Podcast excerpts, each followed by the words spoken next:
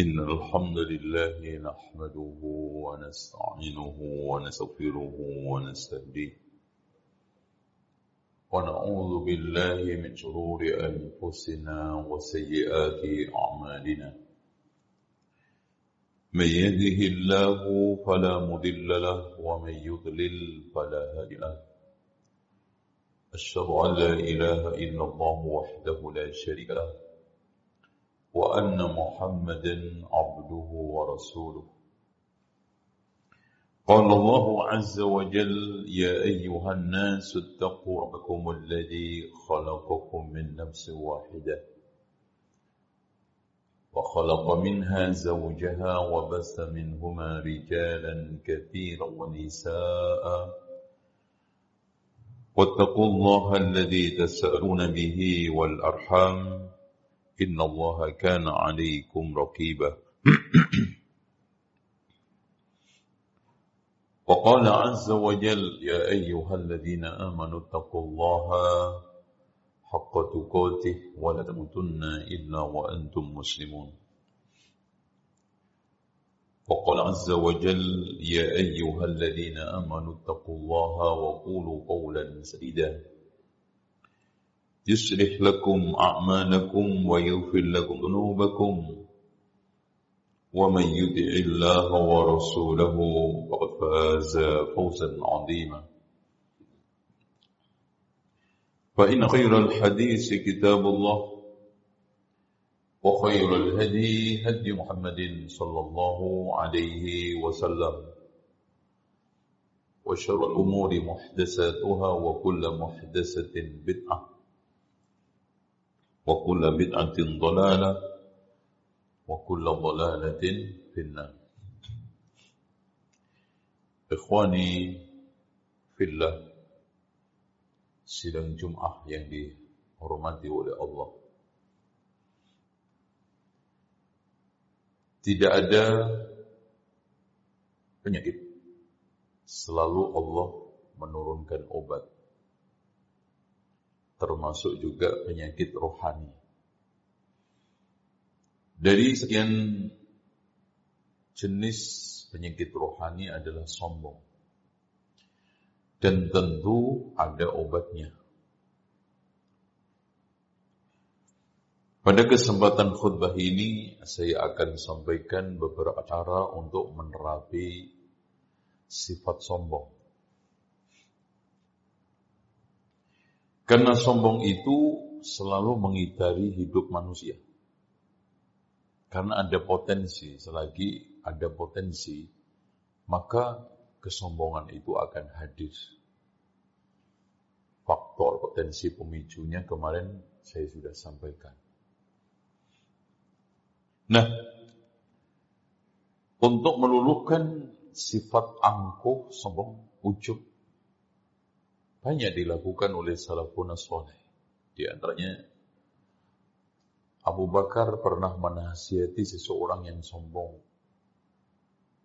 Wahai fulan, bagaimana kamu bisa sombong? Sementara kamu pernah keluar masuk dari jalan kotoran dua kali. Yaitu ketika berupa mani. Saat orang tua kita berhubungan intim dan yang kedua ketika saat lahir. Dari mana kita keluar masuk? Adapun di antara sekian tips cara langkah untuk menepis, menghilangkan, mengikis kesombongan adalah tadakkuru 'azamatillahi merenungkan kebesaran Allah dan bagian dari kebesaran Allah itu sombong yang kita tidak patut untuk memilikinya. Bahkan manaza'ani manaza'ani adabtuhu kata Allah. Siapa yang mencoba untuk menariknya dariku, aku akan adab. Di antara adab orang yang sombong itu ada orang yang hanya sombong dengan sisirannya dan pakaiannya yang berlinti. akhirnya Allah bikin dia terpleset mati, dan akhirnya tenggelam di dalam bumi itu sekarang sampai di kiamat. Itu. Dan nanti dikumpulkan oleh Allah, bentuknya rupa manusia, besarnya seperti semut. Yusyarul mutakabbiruna ala mithli dzarri fi suratil insan kata Rasul. Coba bayangkan khuliqal insanu min nutfah. Fa'idha huwa khasimun mubin. Coba. Sebetulnya aku ciptakan manusia itu dari air mani yang hina itu. in mahin dalam ayat lain. Ternyata ngeyel banget ini satu makhluk. Khosim. Ngeyel, debat, tidak taat. Khosim mubin. Ya. Makanya dari salian kalau kita itu melihat asal usul kita dan kebesaran Allah dan kebesaran masuk makhluk Allah yang namanya matahari. Berapa besarnya, nggak pernah sombong bahkan tiap hari sujud kepada Rob.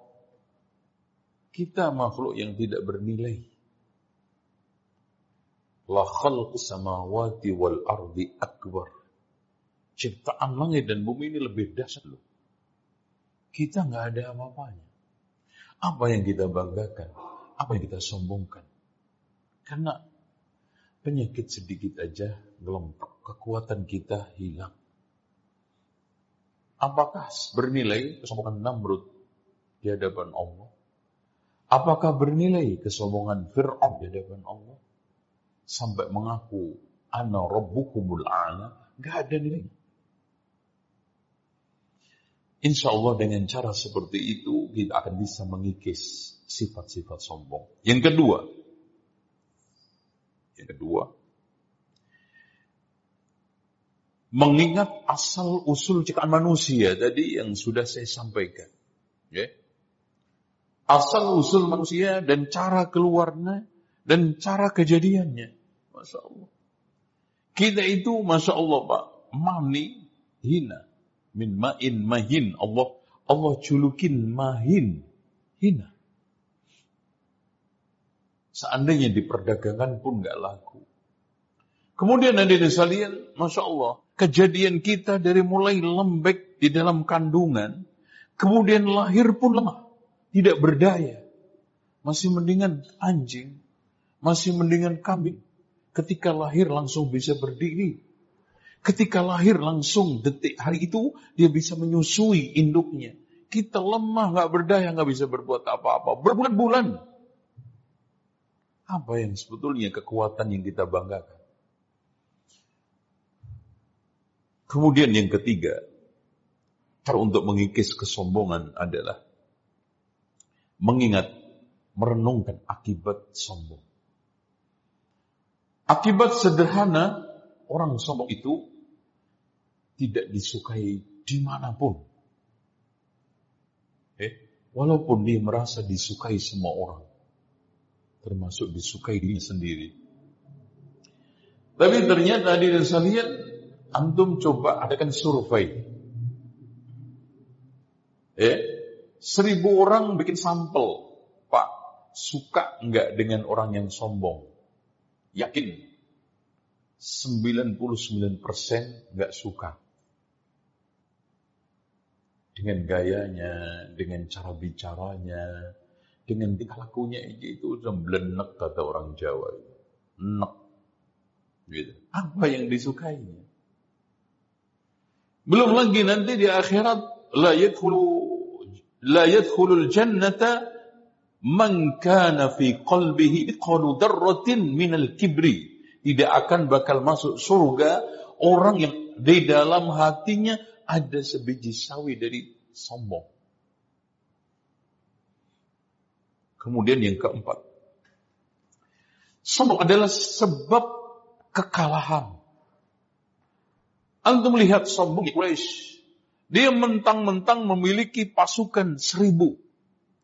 Muhammad kan cuma 313 pada waktu perang Badar datang ke Madinah penuh dengan keangkuhan, kebesaran, kesombongan, pasti bisa mengalahkan Muhammad dan tentaranya. Tapi Allah hinakan terutama tokoh-tokoh Quraisy. Di mana pun. Bagaimana Allah menghinakan Namrud dan matinya.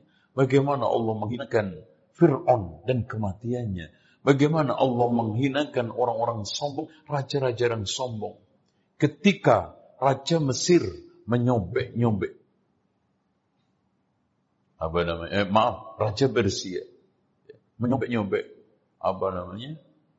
Uh, surat Rasulullah. Karena kesombong. Dihinakan. Tidak tersisa. Beda dengan Romawi masih tersisa. Karena dia hormat kepada Rasulullah. Meskipun nggak masuk Islam. Meskipun Heraklius hampir masuk Islam. Tapi dia menghargai Raja Kiptia Mesir masih menghargai, mengirimkan budak Maria Kiptia. Tapi kesombongan Raja Persia membuat sampai hari ini kerajaannya tidak tersisa. Semoga Allah sobek-sobek kerajaannya Persia sebagaimana merobek-robek surat saya. Doa Nabi gak ada yang kandas. Selanjutnya dari sekalian nomor lima adalah merenungkan faidah tawadhu karena itu sebab kemuliaan, kejayaan dan juga kebesaran seseorang. Ya. Betapa banyak orang yang hina menjadi besar karena tawadhu dan berapa banyak orang yang besar dihinakan karena kesombongan. Di publik aja antum lihat kesederhanaan seseorang ketawaduan seseorang selalu mendapatkan poin. Dari entah itu raja, entah itu presiden, entah itu menteri, entah itu pejabat. Yang tawadu akan mendapatkan poin. Bukan terhina, bukan anggapan sebagian orang-orang yang picik dengan saya mengalah, dengan saya tawadu, dengan saya melakukan ini akan diinjak-injak. Mas, kita bukan sedang perang dengan Belanda. Kita ini bermuamalah dengan saudara kita. Innamal mu'minuna ikhwatun. Kita sedang bukan sedang berhadapan dengan Portugis. Sehingga mereka sedang menjajah kita dan menginjak-injak harkat martabat kita. Kita telah dikasih oleh Allah suplemen man tawadhu'a liwat lisan Rasulullah man tawadhu'a lillahi rafa'ah Siapa yang tawaduk kepada Allah, Allah akan memuliakan.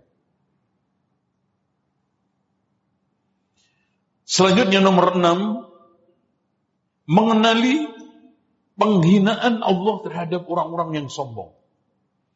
Antum perhatikan pelajaran demi pelajaran dalam sejarah masa lalu dan sekarang dan sampai akan datang Lihat, lihat korun, bagaimana kesombongan dia terhadap harta kekayaan dia yang dia mengatakan wa utituhu illa min ilmin indi.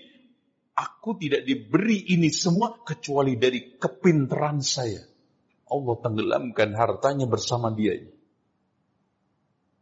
Mana kesombongan Bani Israel? Menolak ayat Allah. Kesombongan Yahudi menolak ajakan Rasulullah Sallallahu Alaihi Wasallam dihinakan di Khaybar, dihinakan di Koinuqa, dihinakan di setiap mana saja. Dengan demikian hadirin sekalian, Allah juga akan menghinakan orang yang dalam hadis Rasulullah, Inna Allah la yanduru ila man jarra sawbahu khuyala'a.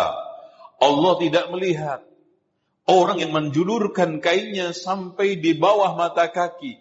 Ini juga bukan berarti memberikan poin yang gak sombong halal, yang gak sombong boleh. Bahkan kita membuat satu kesimpulan yang gak sombong nerakanya biasa, yang sombong nerakanya plus tidak dilihat Allah. Karena karena Rasulullah SAW mengatakan di dalam masalah pakaian isbal, kata Rasulullah SAW, Iyaka wal isbala fa innahu minal bakhila. Waspadalah terhadap isbal karena itu pakaian kesombongan. Dengan otomatis antum sombong nggak sombong telah mengenakan pakaian kesombongan haram. Contoh gini loh pak.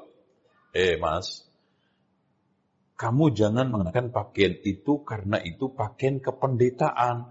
Meskipun antum nggak pendeta nggak boleh. Gitu loh. Gitu? Mas jangan pakai pakaian itu karena itu adalah pakaian ciri khas. Makanya dalam masalah tasyabuh kita itu dilarang berpakaian ini pakaian itu. Bukan kita melakukan itu. Karena pakaian itu sendiri mencerminkan sehingga dilarang. Sehingga kita dilarang memakai pakaian-pakaian khas ibadah agama tertentu karena bagian mentasabbaha biqaumin fawwa minhum. Kemudian hadirin sekalian di dalam hadis Rasulullah SAW juga ditegaskan bahwa masalah pakaian isbal yang sudah banyak diremehkan oleh kaum muslimin yang nggak mungkin pak Allah mengancam, eh, Rasul mengancam terhadap suatu yang sunnah. Boleh-boleh saja ditinggalkan, boleh-boleh saja dipakai. Gak mungkin kan? Ma asfala minal minal minal izari fafinna. Ya, ma asfa minal ka'bain minal izari fafinna. Apa-apa yang di bawah mata kaki dari kain itu termasuk di neraka. Jadi gak mungkin Allah contoh mengancam lewat lisan Rasulnya la'anallahu washima. Mentatu itu gak mungkin. Bukan dosa besar. Udah dilaknat, diancam neraka. Ya. Oleh karena itu sekalian yang dirahmati oleh Allah Subhanahu wa taala, ketika kita sekarang ini berbicara masalah nas, itu jangan cuman kita itu ah menurut sana ada pendapat kemudian kita jalankan. Tidak. Termasuk juga bagian daripada kita untuk menafikan kesombongan adalah kita mencoba untuk berpakaian sederhana.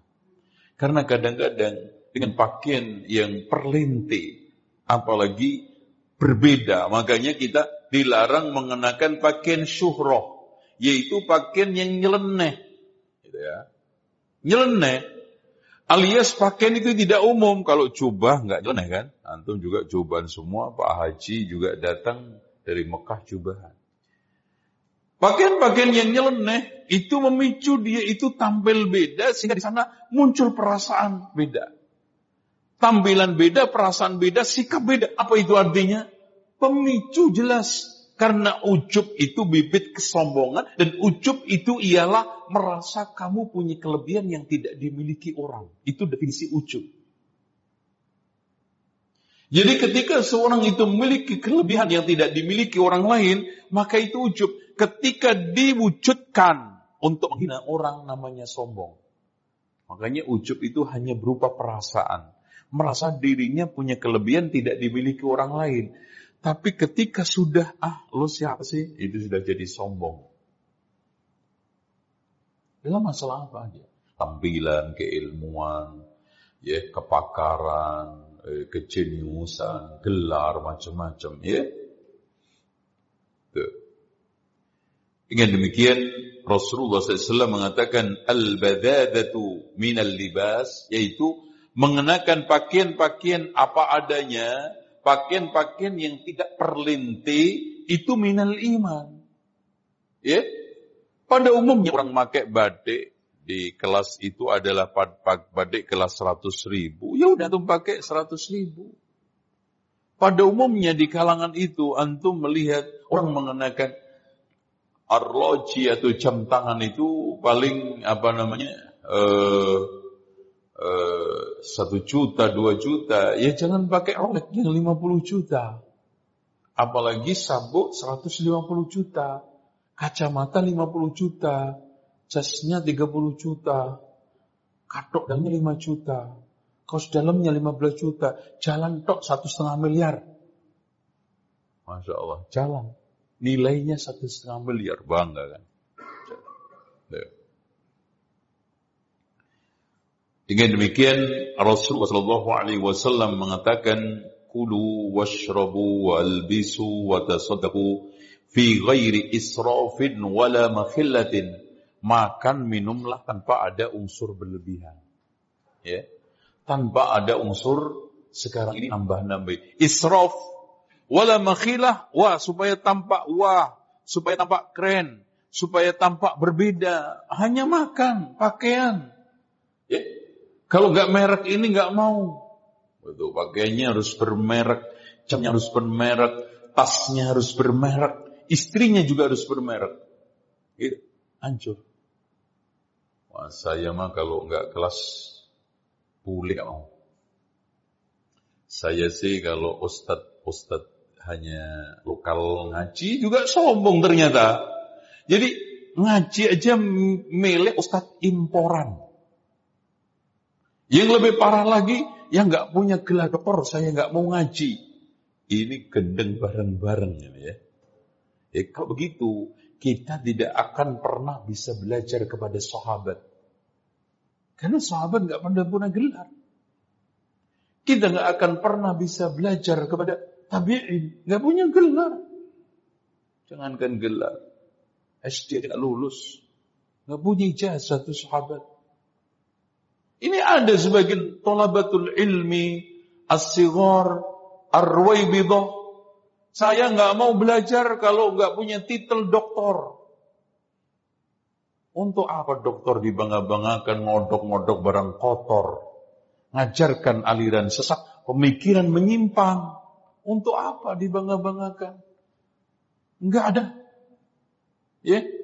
Semakin orang itu tambah ilmunya, kata Imam Ibn Qayyim, semakin tawaduk kepada Allah. Semakin tambah amalnya, semakin tambah rasa takutnya kepada Allah. Semakin tambah umurnya, semakin kurang rakusnya terhadap dunia. Semakin tambah hartanya, semakin dekat dengan rakyat miskin dan orang-orang lemah. Dan semakin tambah tinggi jabatannya, semakin dekat dengan rakyat jelata. Itu tanda orang bahagia. Baik, selanjutnya. Ya.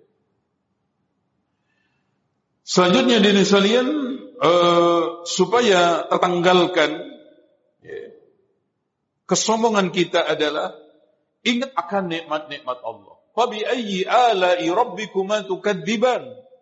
Subhanallah hadirin sekalian. Ornamen dan aksesoris yang kita gunakan sebagai alat-alat kesombongan semuanya datang dari Allah. Apa patut antum memakai aksesoris? Memakai semua yang antum jadikan bangga-banggaan, sombong-sombongan itu datang dari Allah yang menuntut antum untuk tawadhu. Yang mengatakan hampir lebih 28 kali, 33 kali. Fabi ayyi ala'i rabbikuma. Dan kemudian naifnya nanti summa latus'alunna yawma idin 'anil na'im datang dari zat yang maha mun'im. Kemudian nanti nikmat itu diproses untuk ditanyakan kita. Terus kita sombongkan. Dari mana itu semuanya? Sangat tidak masuk akal. Harta kita akan ditanyakan oleh Allah dua kali. Min aina iktasaba wa ila aina anfaqa. Titel dari keilmuan yang kita miliki. Bimada amil. Sudah belum engkau amalkan dan juga jabatan-jabatan yang kita miliki itu semuanya nanti akan dimintai pertanggungjawaban oleh Allah. Kullukum ra'in wa kullukum mas'ulun an ra'iyati. Dari mana? Itu jadikan alat untuk kesombongan.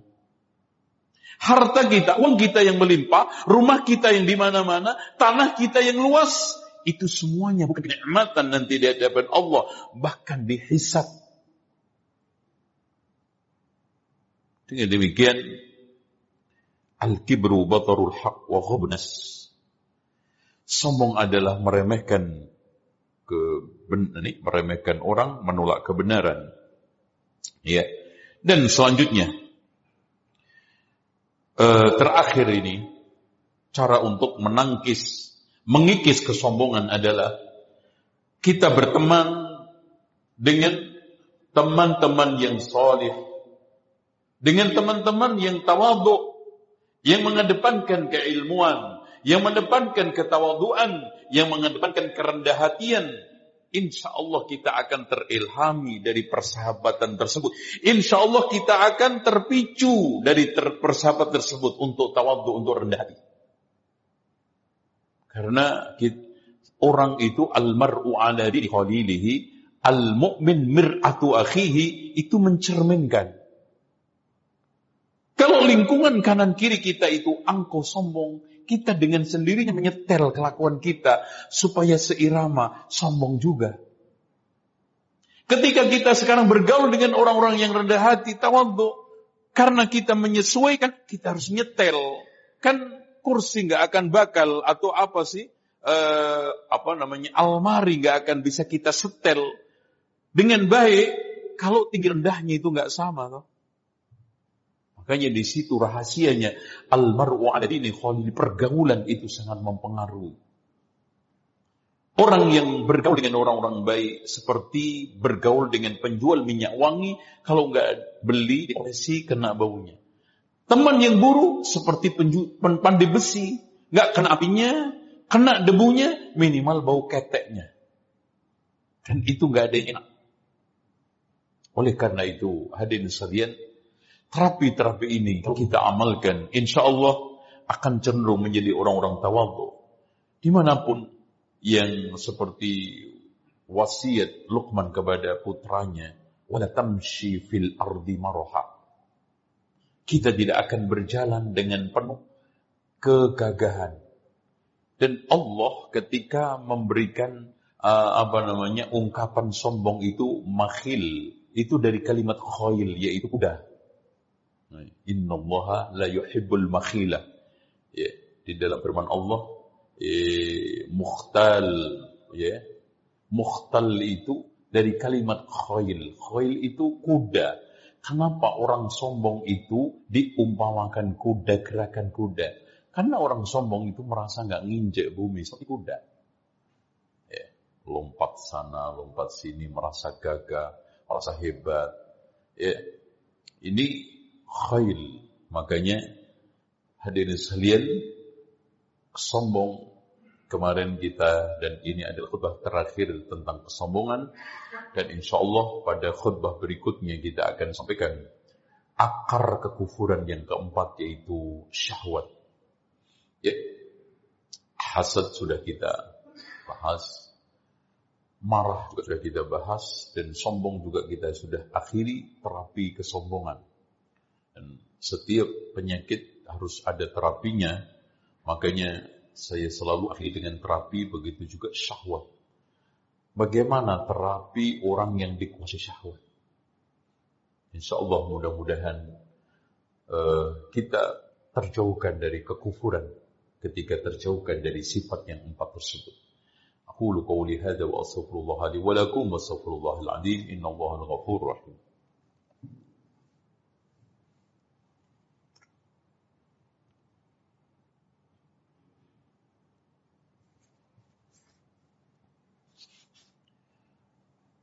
الحمد لله الذي أرسل رسوله بالهدى ودين الحق ليظهره على الدين كله ولو كره المشركون.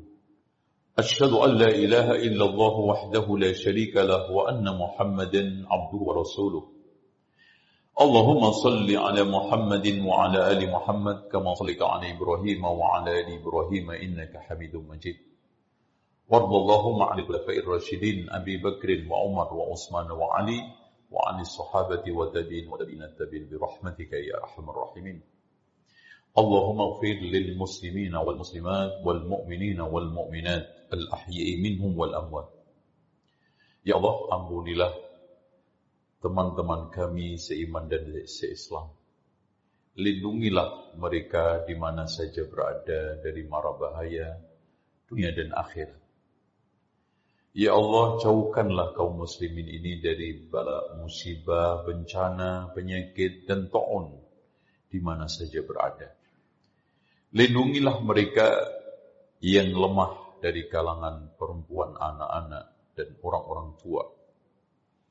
Ya Allah, perbaikilah pemimpin kami, ulama kami, dan seluruh mereka yang memegang kepentingan di negeri ini.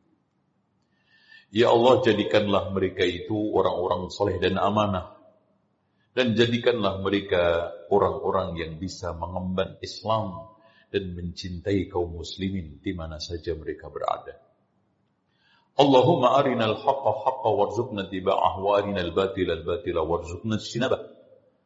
Ya Allah, tampakkanlah kepada kami kebenaran dengan sebenar-benarnya.